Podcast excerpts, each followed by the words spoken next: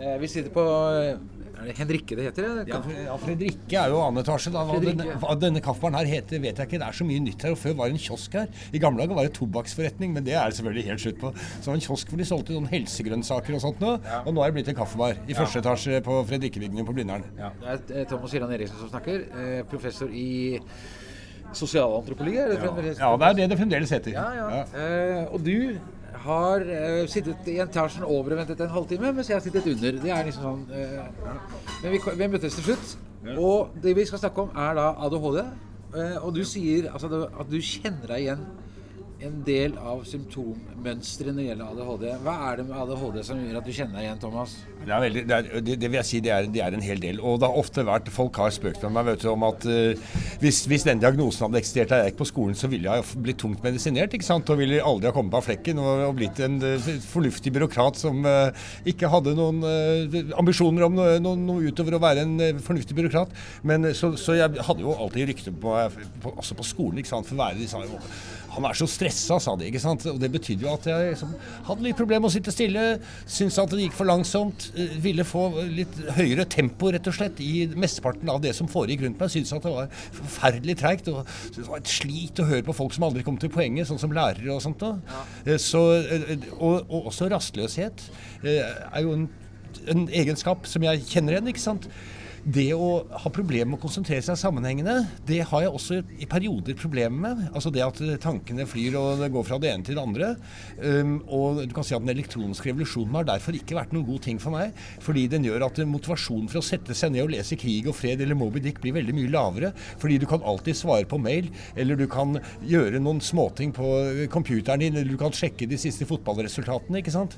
Eh, og nå vi, går vi jo rundt med sånne computere i lomma, vet du, fordi vi som har fått eh, smartphone, da, det er jo mange som har etter hvert, vi har jo da en kraftfull datamaskin som liksom veier et par hundre gram, og som vi kan bruke til hva som helst. Ikke minst avbrytelser og distraksjoner. Så det er en del ting der jeg kjenner igjen, men også det positive ved det, som er at man har et, et høyt energinivå, ikke sant. Du klarer å være fokusert, eh, og du tar ting fort.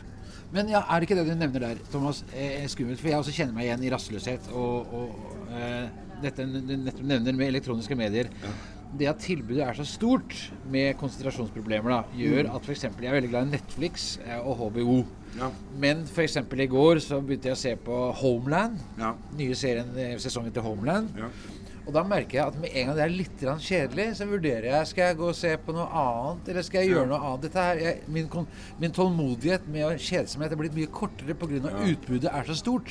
Du kan nesten si, altså jeg tror det, det, er, det der er tittelen på en bok. for du, kanskje du skal skrive en ADHD-kulturen, eller ADHD-samfunnet, som handler om øh, denne her oppjagede tilstanden vi lever i. Altså Jeg skrev en bok for en del år siden som het 'Øyeblikkets tyranni', som handler om noen sånne ting, som handler litt om en kultur på speed. ikke sant?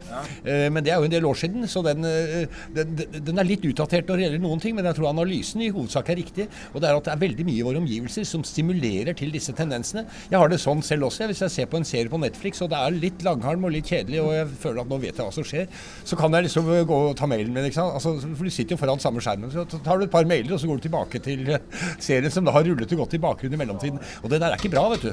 Eh, Og jeg leste en, interessant artikkel i The Atlantic Monthly, altså et amerikansk eh, sånn kvalitetsmagasin med lange artikler, skrevet av en journalist der, som sa at han hadde oppdaget de senere årene at han hadde problemer med å lese mer enn et par avsnitt sammenhengende.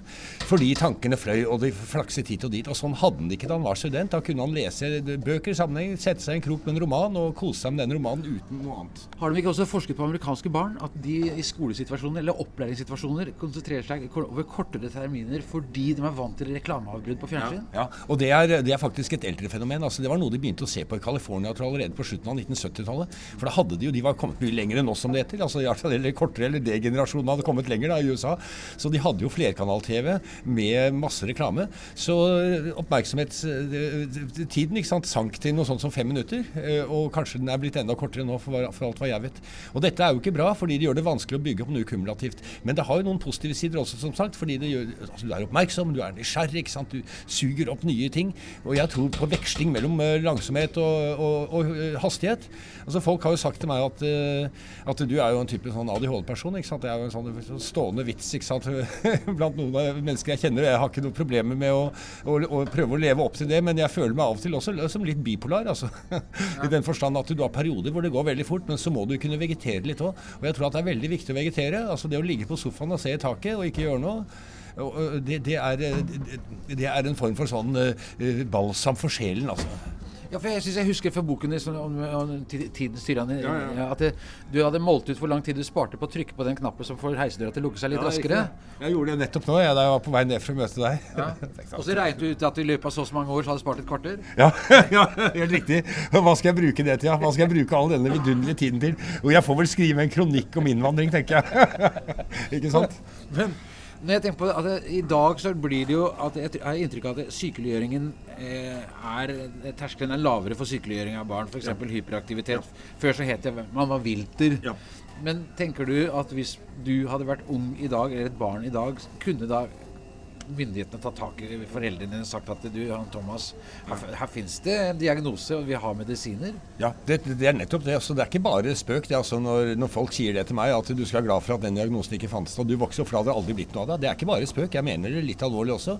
Eh, for det, psykiatrien har en tendens til å sette grenser. Enten er du innenfor, eller så er du utenfor. Du har jo et såkalt normalspekter da, som du skal være innenfor. Men så går det noen veldig skarpe grenser, og jeg tror mer at det er grader av ting. Altså, det er ikke tvil om det at i mitt tilfelle at jeg har et snev av ADHD. Det er ikke noe tvil om det. Men eh, eh, så er det andre som har mer av det. Uh, og, og med andre ord at det finnes mer og mindre av ting, og at det ikke er enten-eller. Det tror jeg er veldig viktig å ta med. Og at vi kanskje er litt for raske, ikke bare til å sette diagnoser, men til å skulle drive kjemisk behandling altså av mentale lidelser. Sånn at de skal behandles kjemisk, og ikke gjennom f.eks. kommunikasjon eller endring av livsstil eller ved å se på familiesituasjonen. Noe som var veldig mye vanligere før på 1960- og 70-tallet, da det var mer humanistisk psykiatri, hvor man var opptatt av kommunikasjon og ikke så mye av medisinering. Når du sier at eh, sosiale medier eller elektroniske utviklingen gjør at utbruddet er så mye raskere? Er det slik at det hele samfunnet er i ferd med å bli litt ADHD-infisert? Jeg tror det. Jeg tror hele verden er i ferd med å bli litt sånn. Uh, hele verden er jo et stort sted, da, men uh, du skjønner hva jeg mener. Altså den dominerende delen av kulturen. Og dette har jo en annen side også. Det var en amerikansk dame for et år eller to siden som utga en ganske interessant bok om de utadvendte versus de innadvendte. Og hun mente at denne kulturen vi har nå, hvor man skal eksponere seg selv og overalt på YouTube og i alle kanaler hele tiden. og Har du skrevet en bok, så er det ikke nok å skrive en bok. Du må også være på TV og være litt kul og morsom morsom når du snakker om boka di hvis ikke gidder ingen å lese den. At det var en eh, kultur som prioriterte de utadvendte, mens de innadvendte, de som er litt sjenerte, litt stillferdige, eh, som sitter og pusler med sitt, og som kan være utmerkede mennesker som kan bidra stort både i arbeidslivet og andre steder, de blir på en måte ikke verdsatt og anerkjent på samme måte. Så det du sier om, eh, om ADHD, det er nok noe av det samme. Altså Oppjagetheten, det raske, det som går fort. Og, og det, det, har noen fordeler, men ulempen er jo at vi får en kultur som kan være ganske overfladisk, altså hvor alt bare er som steiner som spretter bortover på vannflaten.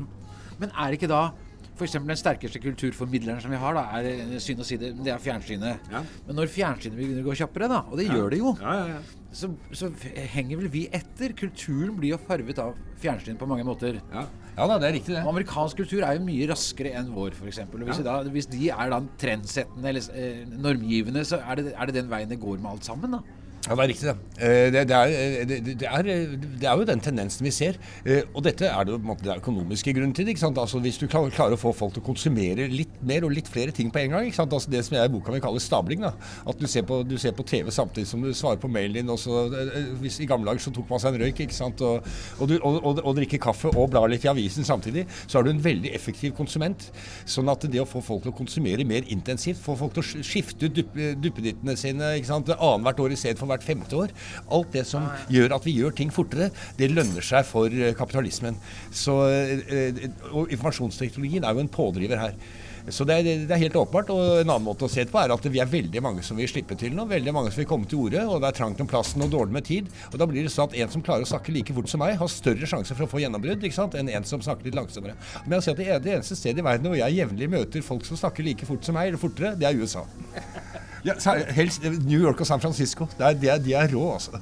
Ja, for det er jo høystatus, det å være utadvendt, som de også bruker eksempler ja. på. Ja. Men hvis du da er innadvendt, så er det da i dag et populært uttrykk som heter nerd. Og det er jo veldig smart, men det er bortkastet energi. Ja, uten Magnus Carlsen. Ja, mens eh, faktum er, ja, det er nettopp det. Altså, faktum er at uh, noen av de største oppfinnerne i verden, ikke sant, og noen av de som kommer med de største ideene, de er nerder, vet du.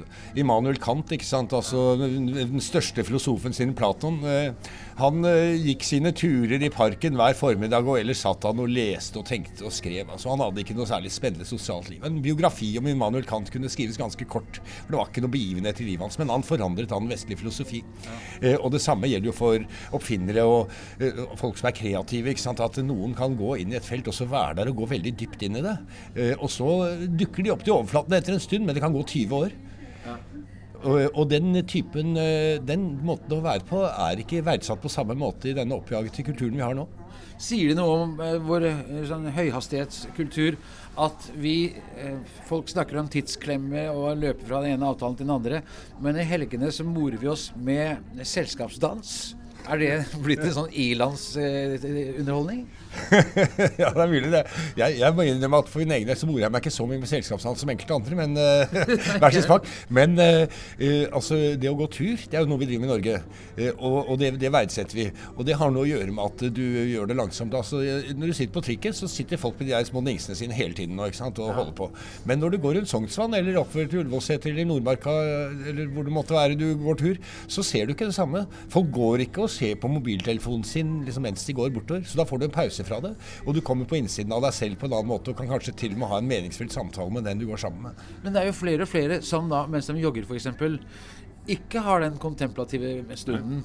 Jeg f.eks., når jeg løper på en tredemølle, ja. så har jeg begynt å høre på uh, This American Life, som er uh, amerikanske radiodokumentarer. Ja.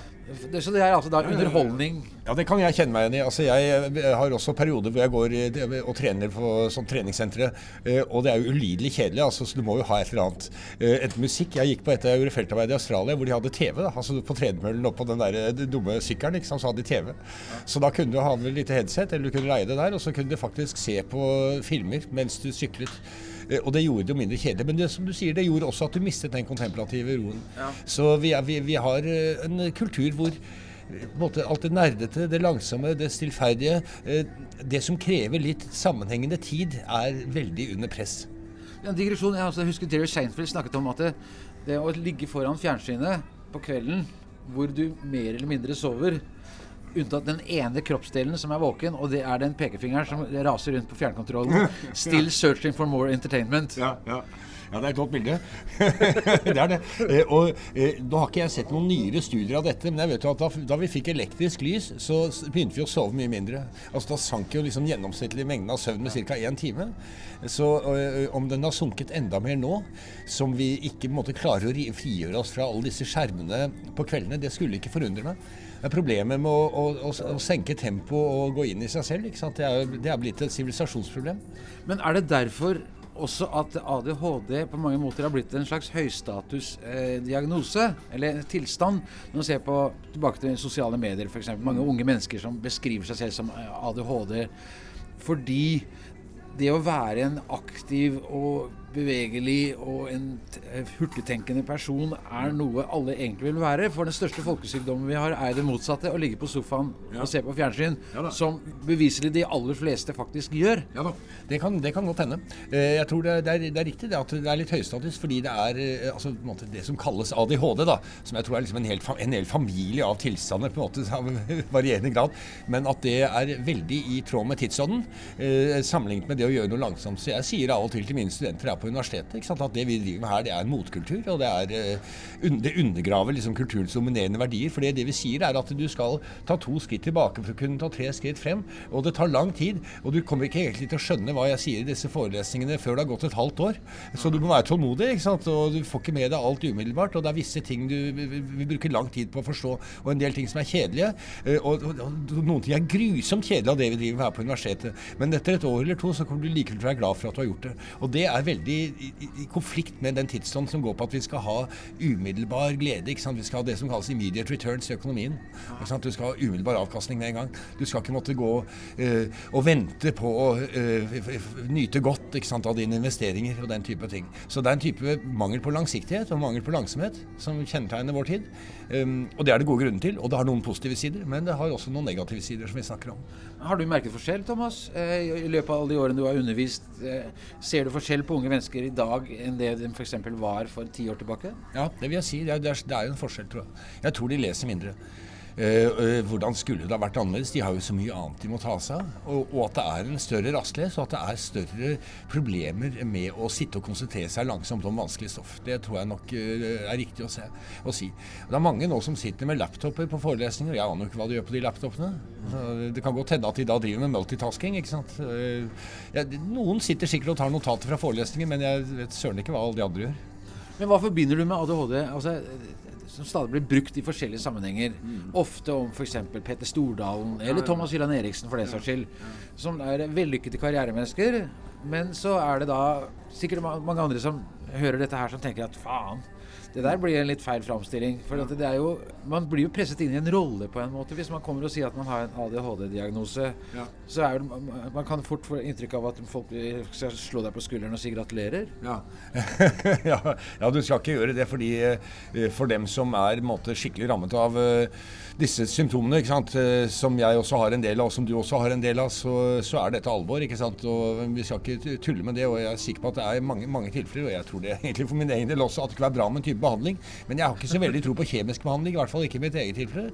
Jeg tror mer det å gå offline, det å dra til et sted hvor du ikke har nettilgang f.eks., um, og tvinge deg selv til å ta pauser fra dette mylderet og denne malstrømmen av begivenheter og hendelser og inntrykk og ideer, uh, og sette deg ned, ta, puste dypt og langsomt og tenke igjennom en del saker og ting. Eh, det har vi selvfølgelig godt av. Så, men vi skal, ikke, vi skal, ikke, tulle med diagnosen. Altså. For noen er dette her alvorlig, og det gjør at livet deres blir vanskelig. For andre er det noe de bare har et snev av som de har større kontroll av. Det er akkurat som drikking. Det, vet du, altså, du til 20-80-prinsippet i, i, økonomien. Det er et morsomt prinsipp. Altså, det går på at på veldig mange områder så er det at 20 av de som gjør et eller annet, eller driver med et eller annet, de står for 80 av det som blir gjort. Så f.eks. på en arbeidsplass så er det sånn at 20 av de ansatte gjør 80 av jobben. Alle mener selvfølgelig at de selv tilhører de 20 -ene. Men det er visst faktisk sånn. Og når det gjelder øldrikking, så er det også sånn at 20% av de som drikker øl, de drikker 80 av ølet. Ja, Det er sånn at 80 av bilførerne regner seg for å være bedre enn gjennomsnittet også? Er det? Ja, ja, jo, det er helt riktig. Men det er bare 20 som er det, og de er veldig mye bedre i gjengjeld. Men altså 20% av de som drikker øl, drikker 80% av ølet. Og det er hensyn til dem at vi har alkoholpolitikk, og det er de som ikke klarer å slutte å drikke. Ja. Eh, og jeg tenker litt sånn når det gjelder ADHD også. Altså at det er, det er grader av dette. Det er gråsoner, og det er ikke, ikke enten-eller. Og det er det som er litt skummelt med å sette sånne merkelapper på folk. At de havner i en bås, og det kan bli selvoppfyllende profetier. Det kan være selvforsterkende. I stedet for å se at vi er sammensatte mennesker, og du har litt mer av det der enn jeg har, og jeg har litt mer enn det der enn det du har.